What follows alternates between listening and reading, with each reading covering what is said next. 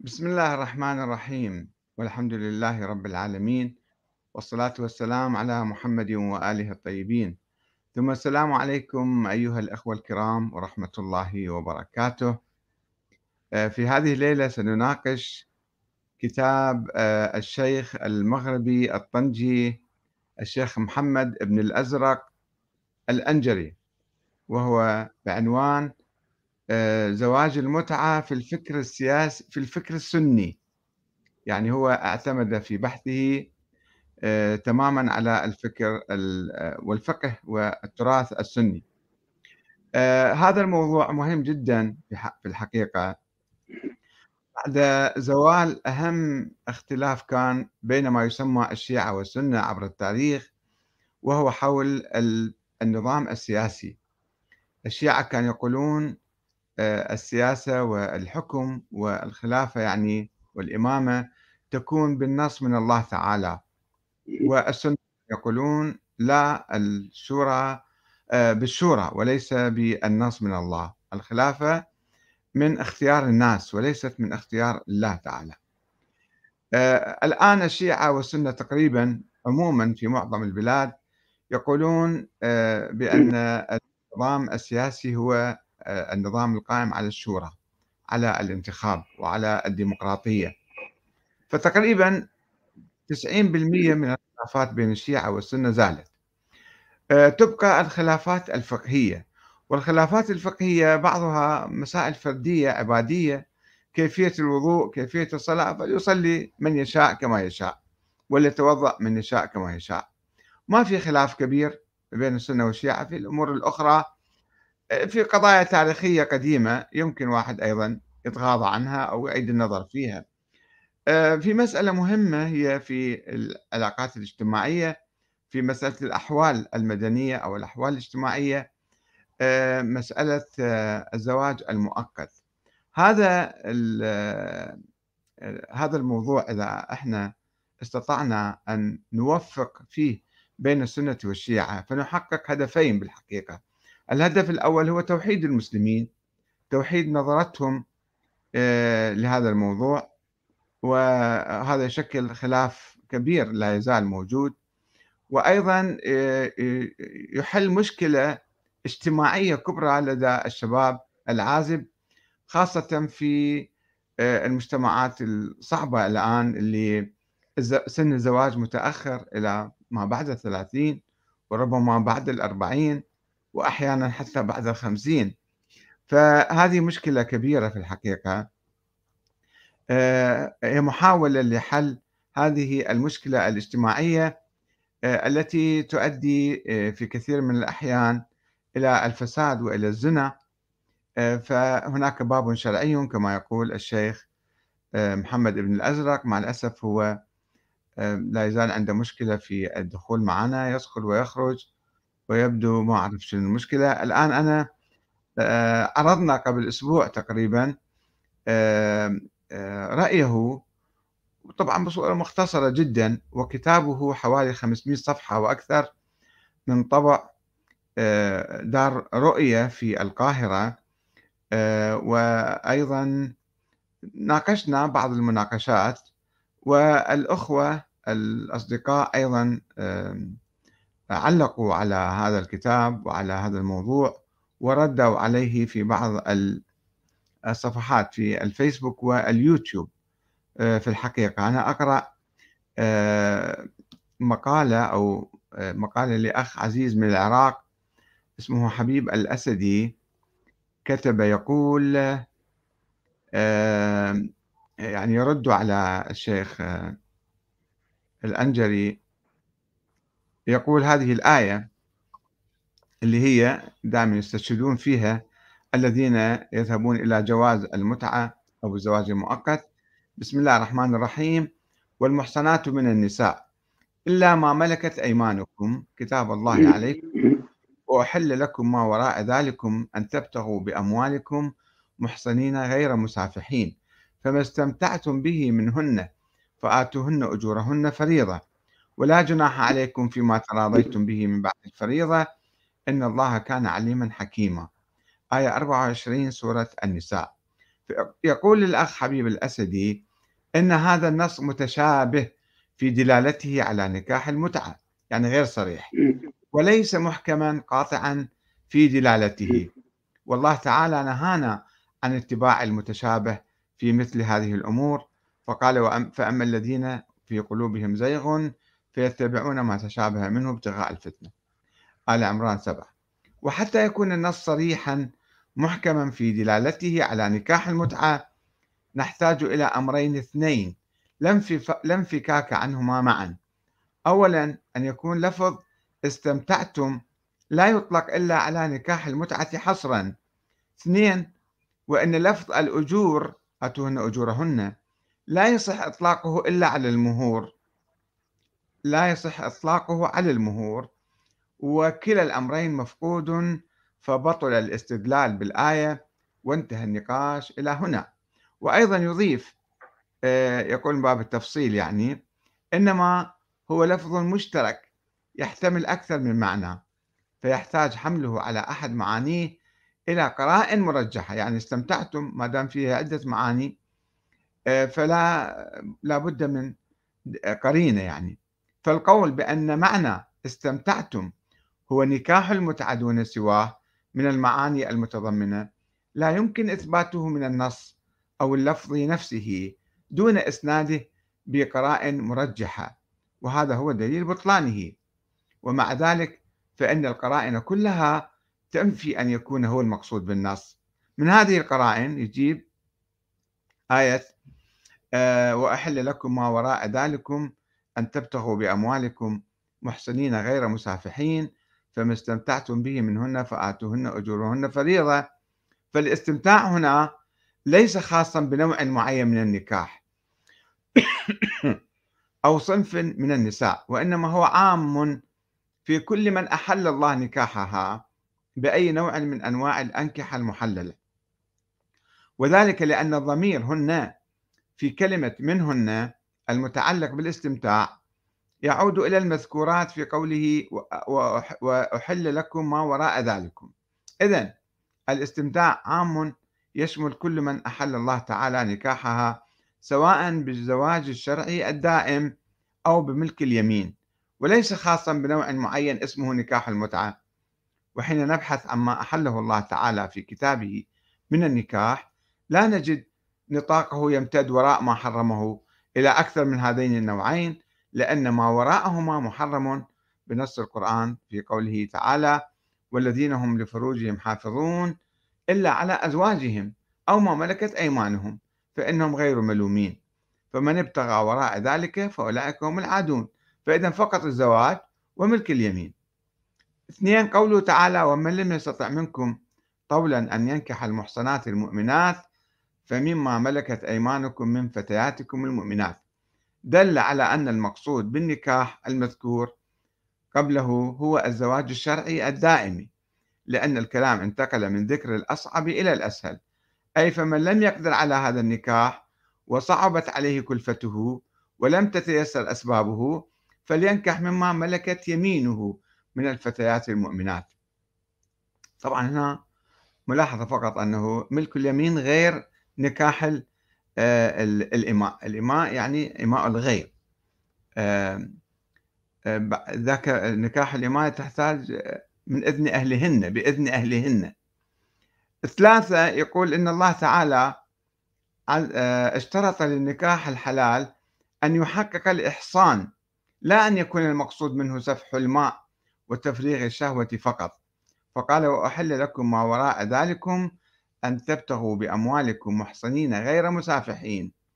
إذا لو كان الله جل وعلا يقصد بقوله استمتعتم يقصده بقوله استمتعتم لما قيده بهذا الشرط الذي لا يمكن تحققه مع نكاح المتعة. ثم يقول الأخ في مقال طويل بالحقيقة يقول لا أحكام لنكاح المتعة في القرآن. عندما ذكر القرآن شرعية الزواج لم يكتفي بذلك حتى فصل في أحكامه. وكذلك حين شرع نكاح الأمة ذكر له أحكاما. وهذا شأنه في أمهات المسائل الفقهية جميعا. ومن النكاح الذي جاء تفاصيل أحكامه في آيات كثيرة يصعب حصرها لكثرتها. ثم يذكر آيات ونحن نختصر الموضوع. ولا شك أن نكاح المتعة لو كان موجودا لكانت ممارسته في المجتمع قديما وحديثا أكثر من ممارسة الزواج أو نكاح الأمة ليسره وسهولة الحصول عليه. ولهذا قيل كيف يقال أن نكاح المتعة من الدين؟ والقرآن لم يعطه ما أعطى بقرة بني إسرائيل من اهتمام. قال تعالى والذين هم لفروجهم حافظون إلا على أزواجهم أو ما ملكت أيمانهم فإنهم غير ملومين. نفس الآية اللي قرأناها قبل قليل. وأيضا يخلص الأخ حبيب الأسدي إلى القول بأن المتمتع بها لا تسمى زوجة وكذا التمتع لا يصح تسميته زواجا. لاختلافه عن الزواج من حيث الماهية أو الذات ومن حيث الأحكام المترتبة عليه. هذه أهم النقاط اللي يذكرها الأخ. طبعا أخوة آخرين الأخ خليفة الدليمي والأخ رائد المهندس في اليوتيوب أيضا ناقشوا وذكروا نقاط أخرى آه، سوف نستعرضها إن شاء الله في فيما بعد. الآن خلينا نتوقف عند ما طرحه الأخ آه، حبيب الأسدي ونرى آه، رد الشيخ محمد الأنجري. تفضل شيخنا.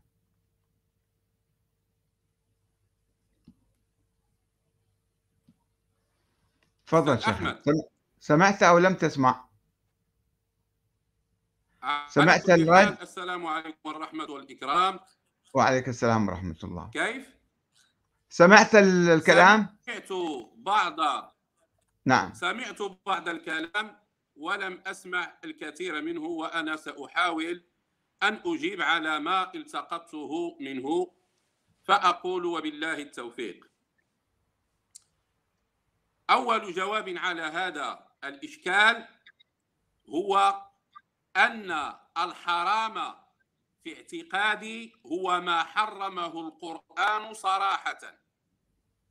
وأي شيء لم ينص القرآن على تحريمه لا يمكن لأحد أن يحرمه ولو كان رسول الله صلى الله عليه وسلم لأن الأنبياء مجرد رسل مبلغين يبلغون رسالة الله. ولا يمكنهم أن يحرموا أو يحللوا. وهذه مسألة أصولية وهل يست... وهل يحق للنبي أن يحرم ما لم يحرمه الله في كتابه؟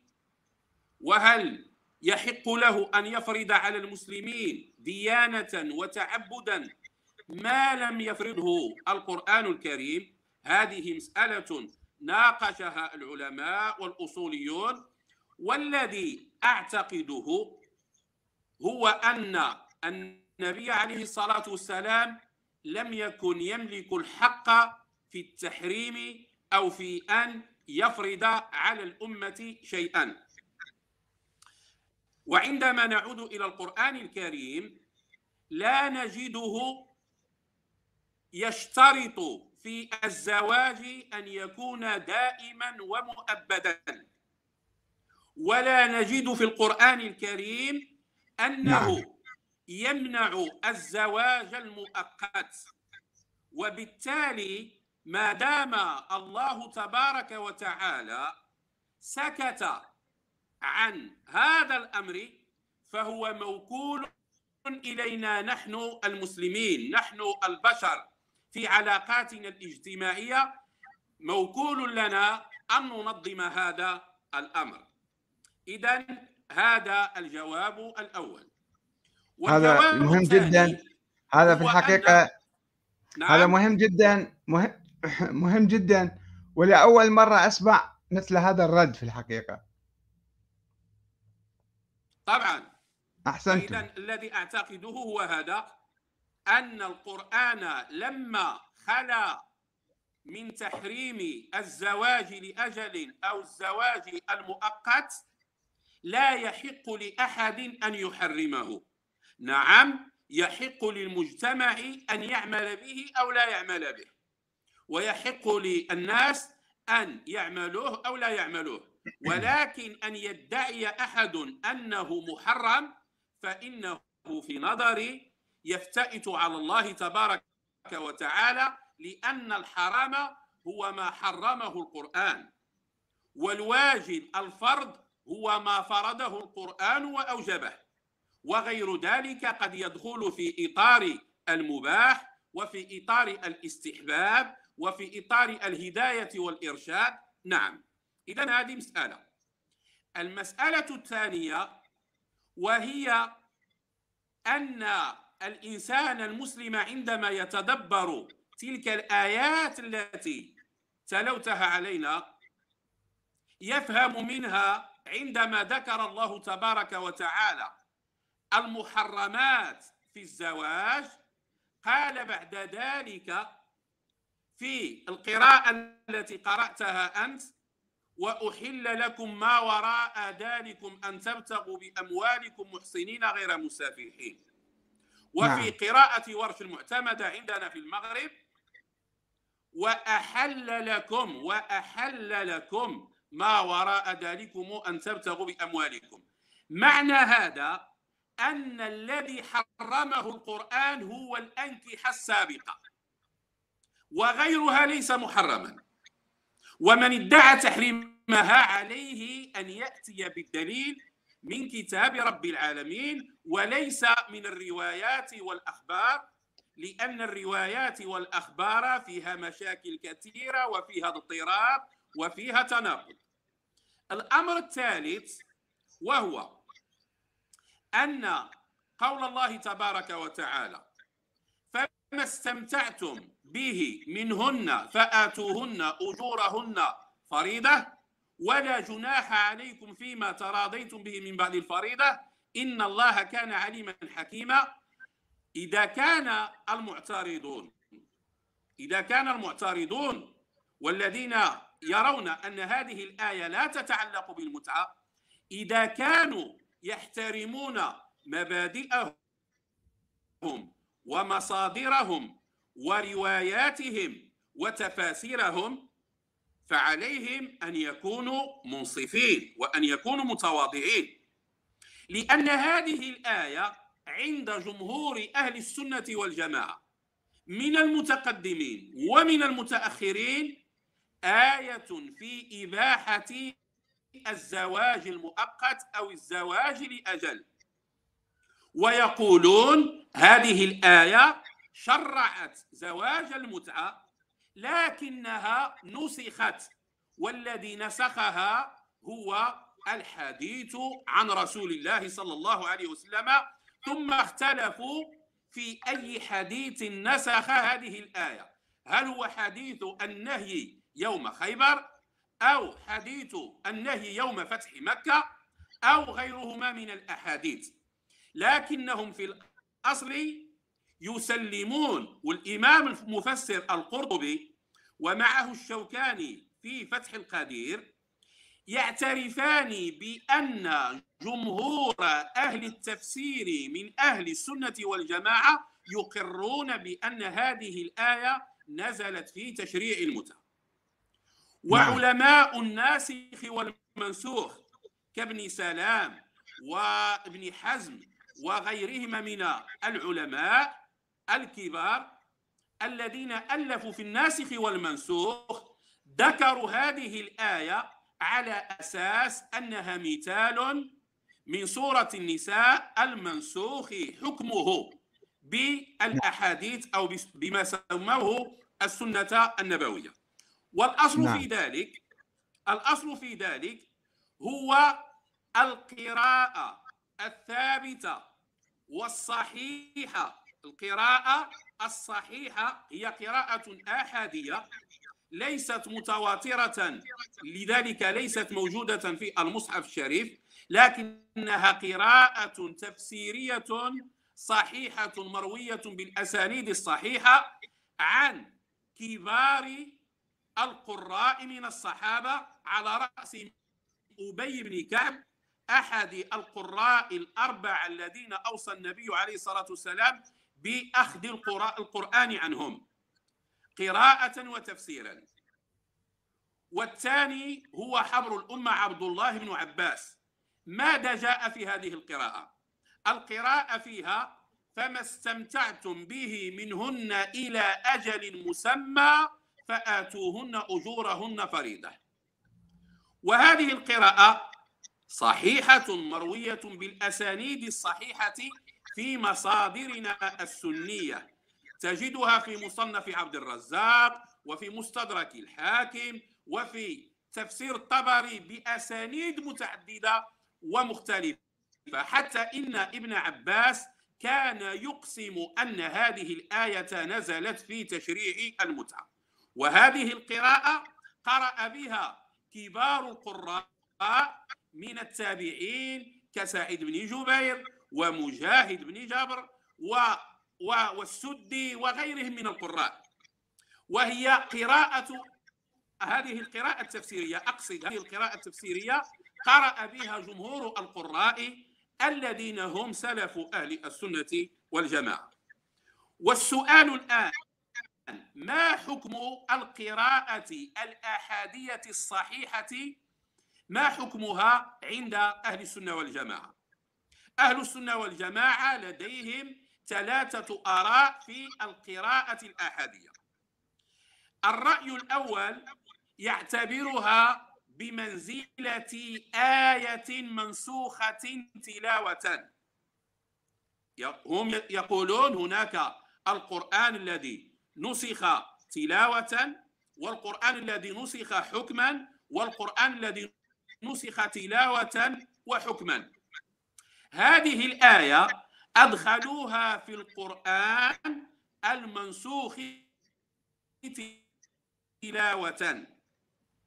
بالتالي ما دامت هذا الفريق من أهل السنة والجماعة ما دامت قرآنا منسوخا تلاوة يبقى النقاش هل حكمها منسوخ أم لا؟ لكنهم يعترفون هذا الاتجاه وهذا التيار يعترف بأنها من القرآن المنسوخ.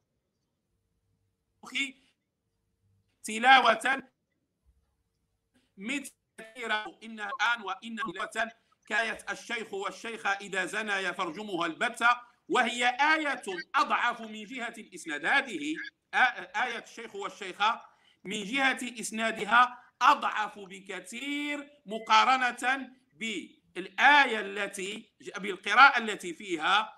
فما استمتعتم به منهن فآتوا إلى أجل مسمى فآتوهن أجورهن فريضة فلماذا قبلوا الاحتجاج بآية الشيخ والشيخة على حكم الرجم ولا يقبلون الاحتجاج بهذه القراءة والتي هي أصح؟ وكان ابن عباس يقسم أنها هكذا نزلت. هكذا نزلت. وأنها هكذا وجدها في مصحف أبي بن كعب. فإذا هذا هو المسلك الأول. يعتبرونها من باب القرآن الذي نسخ تلاوة. وحكمه أنه حجة وأنه بمنزلة الآية من القرآن عندهم. التيار الثاني يقول ما دام ما دامت هذه القراءة مروية يعني أي قراءة من من قراءة الآحاد ما دامت مروية بالأسانيد الصحيحة عن الصحابة فلا شك أنهم سمعوا من النبي عليه الصلاة والسلام على على سبيل التفسير. وبالتالي فهي بمنزلة الحديث المشهور بمنزلة الحديث المشهور. المحدثون السنة يقسمون الأحاديث إلى الآحاد والمتواتر. والآحاد تنقسم إلى مشهور وإلى أقل من المشهور والمشهور هو أعلى درجات الأحاديث الصحيحة الآحادية وبالتالي نعم. إذا كانت وإذا كانت القراءة بمنزلة الحديث الصحيح المشهور أي الذي تعدد طرق وأسانيده فهو حجة لأنهم قالوا ما دامت هذه القراءة واردة إلينا بالأسانيد الصحيحة عن كبار القراء من الصحابة فلا شك أنها على الأقل إذا لم نقل إنها قرآن لا شك أنها أنها بمنزلة الحديث المشهور. والتيار الأخير وهو الأقل قالوا القراءة الآحادية المروية بالأسانيد الصحيحة هي تفسير للصحابة. وهنا ناقشوا تفسير الصحابة هل هو حجة أم إذا كان تفسير الصحابة لا اختلاف فيه ولا تعدد فيه فهو حجة. وهنا لم نجد من الصحابة ولا يوجد من الصحابة من نفى أن تكون الآية نزلت في تشريع المتعة. وبالمقابل هناك جماعة من الصحابة قالوا إن الآية نزلت في تشريع المتعة. وعليه يكون على هذا الرأي الآخر الثالث يكون هذا التفسير الوارد عن بعض الصحابة يكون حجة عندهم. إذا نحن أمام ثلاثة مسالك وهذا الذي يعت... وهذا الذي يبني رأيه من يسمى السلف وتراث السلف عليه أن يحدد لنا موقفه من هذه المسالك الثلاثة. وهنا لو تسمح لي شيخ أحمد أروي نعم لكم وأقص عليكم ما قاله إبس قال أبو نضرة هذا تابعي ثقة سألت ابن عباس عن متعة النساء. قال أما تقرأ سورة النساء؟ قلت بلى. قال أما تقرأ فيها فما استمتعتم به منهن إلى أجل مسمى؟ قلت لا.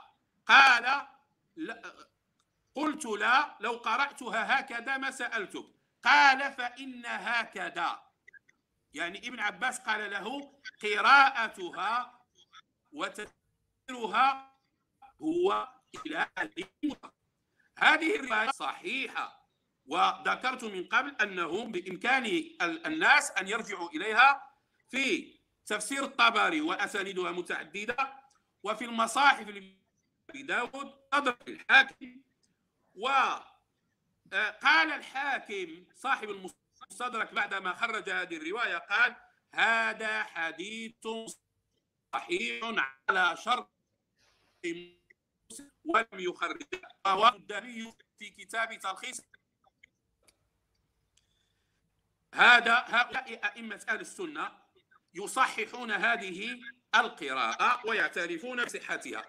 سند آخر ووجه آخر ورواية أخرى عن عطاء أبي رباح وهو تابعي شهير أنه سمع ابن عباس يقول فما استمتعتم به منهن إلى أجل مسمى فآتوهن أجورهن وقال وقال ابن عباس في حرف أبين إلى أجل أي في مصر هكذا ابن كعب أحد الصحابة يقرأها. هذه توجد في مصنف عبد الرزاق وفي تفسير ابن المنذر وفي الناسخ والمنسوخ لابن شاهين بإسناد صحيح. وهناك روايات أخرى ذكرتها واستعرضتها في كتابي وخرجتها وبينت يعني أحكامها. فإذا هذا من جهة. من جهة ثالثة أو رابعة لا أدري القرآن الكريم بعد ذلك بين الآيات ماذا قال؟ قال ومن لم يستطع منكم طولا أن ينكح المحصنات المؤمنات المحصنات المؤمنات هنا أي الحرائر المسلمات الحرائر ومن لم يستطع منكم طولا أن ينكح المحصنات المؤمنات فمما ملكت أيمانكم من فتياتكم المؤمنات والله أعلم بإيمانكم بعضكم. إذن أجورهن. بعد ذلك بعدها يعني بعد كلام يقول هذا على سبيل الاختصار نحذفه. يقول الله تبارك وتعالى ذلك لمن خشي العنة منكم وأن تصبروا خير لكم. هنا مسألة دقيقة جدا ينبغي الانتباه إليها. العرب ومعهم الصحابة في زمن النبوة كانوا يتزوجون ملك اليمين أي إماء الغير ليس إماءهم إماء الغير. لذلك جاء في الآية فانكحوهن بإذن أهلهن. وآتوهن أجورهن محصنات غير مسافحات شخص لا يكون لا تكون لديه أمة ولا يستطيع أن يتزوج الحرة. كان العرب ماذا يفعلون؟ يتزوجون إماء الغير مؤقتا إلى أجل إلى أن يجدوا القدرة على الزواج الدائم بالحرائر. إذا ماذا؟ ماذا تبيح هذه الآية؟ الآية تبيح لهم ما كان معلوما عندهم ومقررا عندهم وهو الإيماء مؤقتا الآن السؤال إذا الآية تعطي الإذن للذين لم يستطيعوا القدرة على الزواج الدائم تعطيهم الإذن بأن يتزوجوا إماء الغير مؤقتا إلى أن يجدوا القدرة على الزواج الدائم. ولكن المهم هو قول الله تبارك وتعالى بعد ذلك ذلك لمن خشي العنة منكم. وأن تستعففوا. خير لكم. الخشية من العنت علة مضطردة توجد في كل عصر وفي كل وقت. وعليه الله تبارك وتعالى يعطينا إشارة واضحة بأن المسلم إذا كان في عنت إذا خشي جاز له يتزوج مؤقتا. ولا عبرة بالفرق بين الأمة والحرة هنا. العبرة هي الخشية من العنت. ولكن لو تسمح لي شيخنا لو تسمح لي شوية. المسلمون في الأول. نعم. لو تسمح لي الآية التي تبيح الزواج نكاح إماء الغير لا تقول متعة أو مؤقتا مطلقة. يعني هي تشمل حتى الزواج الدائم من الإماء. الآية الكريمة لا تقول مؤقتا. أستاذ أحمد هكذا كانت عادة العرب. يعني أن نعود لنعرف عادات العرب وثقافتهم. العربي كان كان إذا تزوج أمة الغير يتزوجها مؤقتا ثم يردها نعم. إلى سيدها. لأنه لأنهم ما كانوا يرضون أن يكون أبناؤهم من الإماء نعم. الرجل العربي ومعه المسلم زمن النبوة ولا يبقى متزوجا الأمة إلا إذا أحبها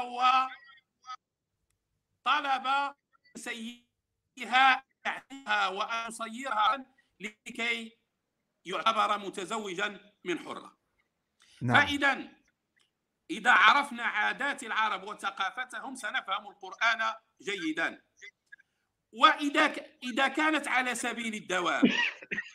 لماذا قال الله تبارك وتعالى ذلك لمن خشي العنة منكم؟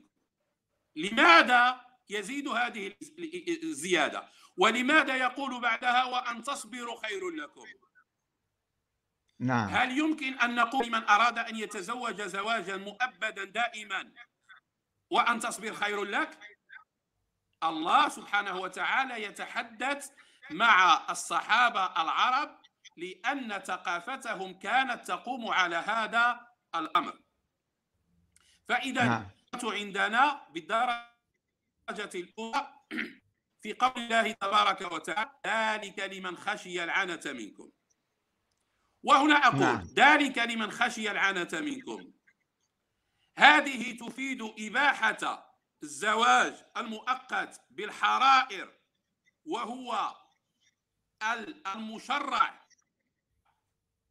في قول تعالى فمستهيتهن أجورا مريضة وتتعلق أيضا بالزواج المؤقت بإماء الغير ذلك لمن خشي نعم. العنة منكم من خشي العنة له أن يتزوج مؤقت سواء كانت المتزوج بها أمة أو حرة والآن نعم. نطرح سؤال على ال- على الأخ الذي يقول بأن الله تبارك وتعالى قال والذين هم لفروجهم حافظون إلا على أزواجهم أو ما ملكت أيمانهم فإنهم غير ملومين فمن ابتغى وراء ذلك فأولئك هم العادون قال هنا الآية تتحدث إما عن الزوجة أو عن ملك اليمين. وزعم وزعم الأخ أن الزوج أن السيدة التي يتزوج بها الإنسان إلى أجل مؤقتا لا تسمى زوجة. ونحن. نسأله عندما كان الصحابة باعتراف علماء السنة عندما كانوا يتزوجون الزواج الأجل أو زواج المتعة. قبل لنفترض بالفعل أن النبي نهى عنها وحرمها في السنة السابعة في خيبر أو حرمها يوم فتح مكة. قبل ذلك قبل التحريم عندما كان المسلمون الصحابة يتزوجون زواج المتعة بإذن رسول الله صلى الله عليه وسلم وعلمه ماذا كانت تسمى تلك المرأة المتزوج بها متعة؟ نعم. ماذا كانت كانت تسمى؟ تسمى زوجة. نعم. هل كانت ملك يمين؟ نعم. كانت تسمى زوجة بالتالي. كانت تسمى زوجة. هي زوجة مؤقتة. نعم, نعم. ويسمى زواج. يسمى التمتع زواج. قلت لا يمكن هي زو... هي زوجة. نعم. هي زوجة. ليس هناك شيء آخر. هي زوجة على سبيل التأقيد والأجل. كما هناك زوجة على سبيل التأبيد والدوام هناك زوجة على سبيل التأقيت. ونحن نعم. نضيف. عندما أباح جمهور فقهاء أهل السنة الزواج بنية الطلاق وهو زواج مؤقت ومحدد بأجل تلك المرأة المتزوج بها على هذا السبيل ماذا تسمى؟ هي أيضا نعم تسمى زوجة متزوج نعم. بها على سبيل التأقيت وليس على سبيل الدوام. نعم. بهذا المنطق ينبغي أن تكون حراما لأن سبيل وبالتالي لا يمكن أن تسمى زوجة كما يقول هذا المنطق. وأخطر من ذلك أكبر من ذلك الآية التي فيها الذين هم لفروجهم حافظون إلا على أزواجهم أو ما ملكت أيمانهم فإنهم غير ملومين. متى نزلت؟ هذه الآية تنتمي إلى سورتين. هي موجودة بحرفها في سورتين. في سورة المعارج وفي سورة المؤمنون وكلاهما من الصور المكية التي نزلت قبل الهجرة. نعم. وعلماء أهل السنة يقرون ويعترفون أن الصحابة استمتعوا بعد الهجرة إلى عامر. ماذا يعني هذا؟ يعني هذا أن ما داموا كانوا. كانوا يتزوجون زواج المتعة بعد نزول هذه. هاتين السورتين بعد نزول هذه الآية بسنوات وبإقرار الرسول عليه الصلاة والسلام فهذا يعني أنها كانت تدخل في مسمى الزوجة وتدخل في. مسمى افعل ما شئت وهنا كما نجد في الصحيحين في صحيح البخاري وصحيح مسلم. شوف الروايات الثانية رواية صحيحة تاريخ من تاريخ النبي عليه الصلاة والسلام والصحابة. هذه الرواية ماذا فيها؟ يقول صحابيان كبيران فقيهان شهيران الأول هو جابر بن عبد الله والثاني هو سلمة بن الأكوع. نعم. يقولان كنا في جيش في رواية صحيحة كنا في حنين. الجيش إما تحرك آه، حنين إما تحرفت إلى عمدا أو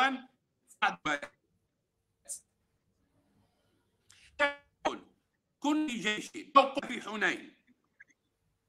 وحنين كانت في السنة ثمانية. كانت بعد فتح مكة بعد فتح مكة بحوالي نعم. شهرين. في السنة الثامنة. آه، يقول جابر بن عبد الله وسلم بن الأكوع كنا في جيش في رواية كنا في حنين فأتانا رسول الله صلى الله عليه وسلم فقال أذن لكم أن تستمتعوا فاستمتعوا. أذن لكم ومن الذي أذن لهم؟ أذن لهم بطبيعة الحال القرآن الكريم الذي نزل قبل الآية الآية التي فيها فما استمتعتم به منهن فآتوهن أجورا كما بينت في كتابي نزلت قبل غزوة حنين بقليل. تاريخ نزولها قبل غزوة حنين. الرسول والسلام جاء يأذن لهم ويخبرهم بأن الله أذن لهم بناء على هذه الآيات النازلة وهذه الآيات الآيات التي في سورة النساء فما استمتعتم به منهن؟ هذه نزلت بين فتح مكة وغزوة حنين. الإلهي جاء لهم في يعني في هذا التاريخ يعني الإقرار كانوا العرب كانوا يعرفون الزواج المؤقت من قبل ولكن الإقرار القرآني جاء في هذا التوقيت. وهذا نعم. ما سبب الاضطراب عند أهل السنة فاختلفوا في تاريخ النهي التحريمي عن المتعة. هل كان في خيبر؟ خيبر يعرفون أنها قبل يعني قبل نزول هذه الآية. و نعم. إذا بعضهم قالوا لا لا لا قالوا لا يمكن أن يكون التحريم في غزوة خيبر لأن الصحابة فعلوا المتعة يوم فتح مكة وفعلوها يوم أوطاس وأوطاس هو شوط من أشواط غزوة حنين هو مقدمة من مقدمات غزوة حنين فإذا نعم. نعم النبي عليه الصلاة والسلام عندما خرج إلى الصحابة ما في صيرهما عند قال نعم. لهم أذن لكم أن تستمتعوا فاستمتعوا. نعم. إذن و- و- و- وأضافت الرواية لتشرح يعني متعة النساء. هذا ليس من عندي. هكذا في الرواية.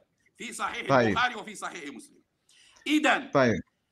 سميها ما شئت. سم... ماذا يريد أن يسميها هذا الأخ؟ إذا كان لا يريد أن يسميها زوجة فما هو الاسم الشرعي والفقهي الذي ينبغي أن يطلق عليها ولو التحريم المفاضي جلا تفضل أستاذ. نعم. لو, لو سمحت عندنا الوقت يداهمنا والموضوع غني جدا وواسع وعميق في الحقيقة. لا يمكن أن ننهي البحث في جلسة أو جلستين أو ثلاث. آه، عندي ثلاث آه، ملاحظات. الأول يعني كما طرحها بعض الأخوة هل يسمى هذا الزواج الزواج المؤقت هل يسمى إحصانا؟ هذا أولا. ثانيا ماذا تقول عن الأحاديث التي نهت عن المتعة لا الأحاديث الواردة عن رسول الله؟ اثنين اثنين ثلاثة هل يستطيع رسول الله أن ينسخ القرآن؟ إذا افترضنا هاي الآيات الآية نازلة حول المتعة. النبي هل يستطيع أن ينسخ القرآن؟ وقبل أن تجيبني بالحقيقة أنا أود أن أطلب يعني من الأخوة الأعزاء اللي يشاركون معنا أن يلتزموا بأدب الحوار وب يعني عدم ال- ال- ال- التهجم ال- ال- غير المبرر. وبعضهم بعض الأخوة حتى اسمه كاتبة بعنصرية يعني مثلا سعودي جلاد الخدامات المغربيات يعني واحد عنصري لا يتخلق بأخلاق الإسلام ويكتب ويريد يفتي بهذه الأمور. ثم أن آه، البعض أيضا يتساءل يقول ما هو وزن هذا الشيخ عند أهل السنة؟ في الحقيقة نحن نقول انظر إلى ما قيل ولا تنظر إلى من قال. المهم الشيخ يقدم أطروحة جديدة على ضوء الفكر والفقه والتراث السني بكتاب حوالي 500 صفحة يبحث موضوع الزواج المؤقت أو زواج المتعة عند أهل السنة أو في الفكر السني. فهو والبعض يتهمه كما اتهم بعض هنا أنه الأخ قرآني. لا الأخ ليس قرآنيا يعني يكتفي بالقرآن فقط ويرفض الأحاديث وهو سوف يوضح هذه النقطة أيضا. هو اعتماده كله على التراث وعلى الأحاديث وعلى تراث أهل السنة. فتفضل يا شيخنا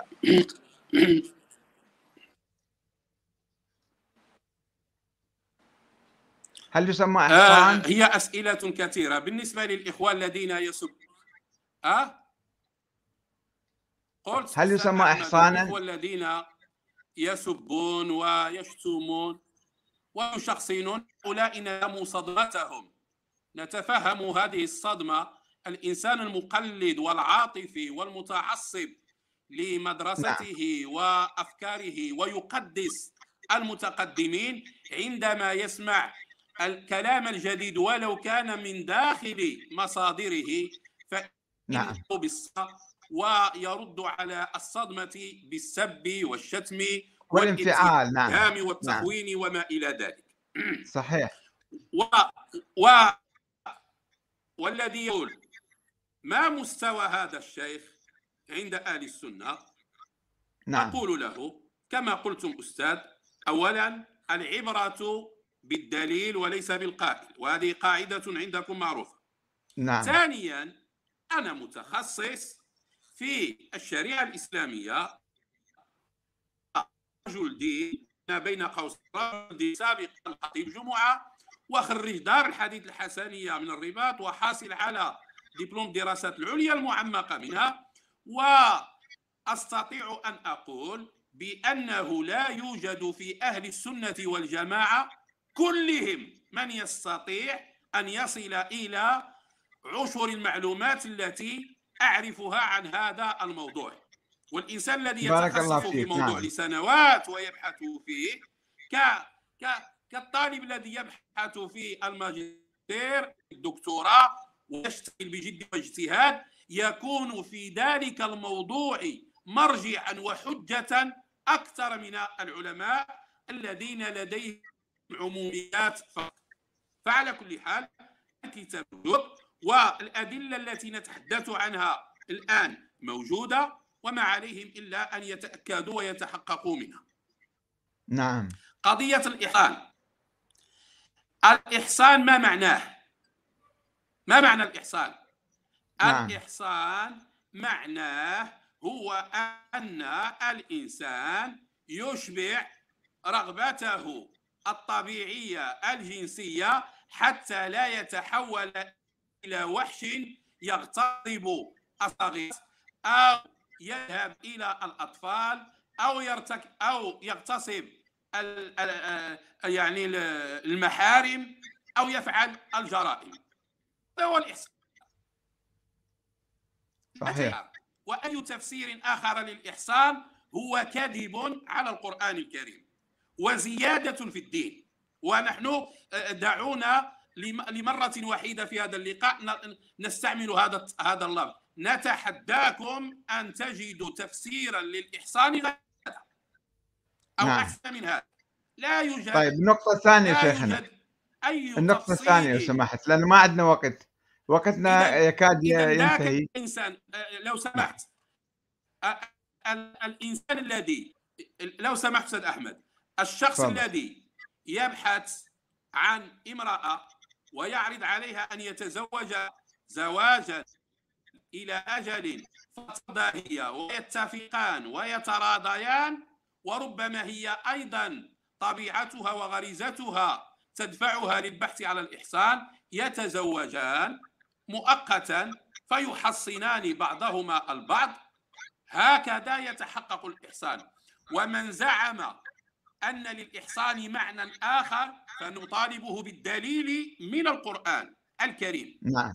ومن زعم أن الإحصان لا يتحقق إلا بالدوام والتأبيد فنقول له لماذا كثير من المتزوجين يقعون في الخيانات الزوجية رجالا ونساء.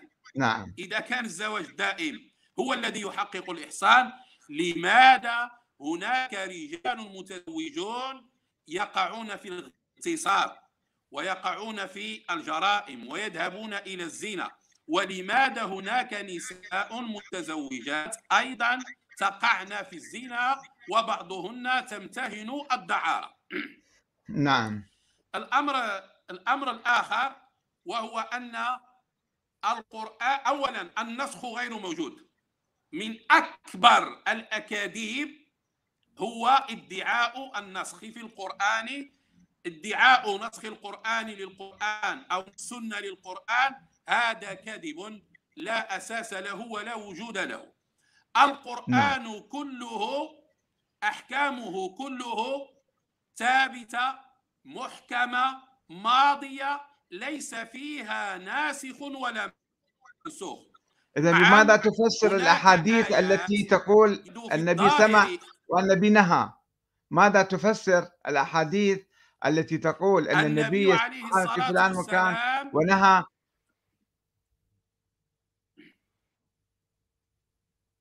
نعم أحاديث م- مثل حديث النهي يوم خيبر وحديث صحيح.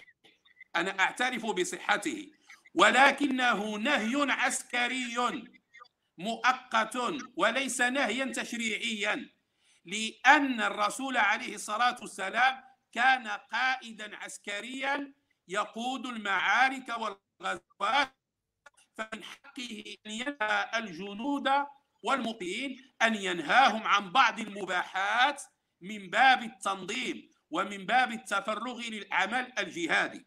عندما نعم. الآن في عصرنا هل الرياضة أو السباحة أو نعم. عسكري في فرقة عسكرية يمنع جنوده الذين هم تحت إمرته يمنعهم مثلا من زيارة آبائهم أو يمنعهم من لعب كرة القدم أو يمنعهم من الخروج للتنزه. هل هذا تحريم؟ لا هو إجراء عسكري مؤقت لأنهم في مهمة والرسول عليه نعم. الصلاة والسلام للمفارقة وهذا غريب جدا لنعرف كيف تم التلاعب بالفقه وبعقول المسلمين نعم. يقولون إن إن النبي عليه الصلاة والسلام صح عنه أنه نهى عن المتعة يوم خيبر وهذا صحيح وقلت معنى النهي هنا. لكن هل هل ينكرون أو هل يعرفون أنه في صحيح البخاري في صحيح البخاري من حديث عبد الله بن عمر أن النبي عليه الصلاة والسلام نهى يوم خيبر عن أكل التوم سمعتني؟ نعم. احمد نعم. كما هناك حديث يفيد أن النبي نهى عن المتعة يوم خيبر هناك حديث في صحيح البخاري يرويه عبد الله بن عمر أن النبي نهى يوم خيبر عن أكل التوم.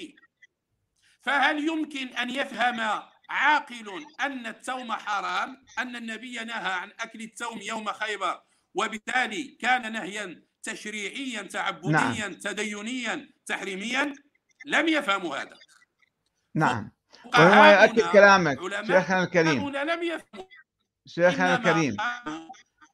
نعم. نكاد نكاد ننتهي يعني ينتهي الوقت.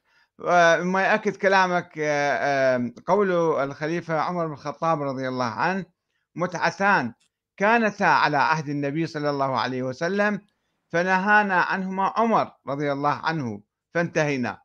يعني وأنا أن وأنا أن أنهي عنهما. يعني متعتان كانتا على عهد رسول نعم. الله وأنا أنهى عنهما. هذا في المسند عن جابر رضي الله عنه وصححه الإرناؤوط آه. كما يقول. نعم.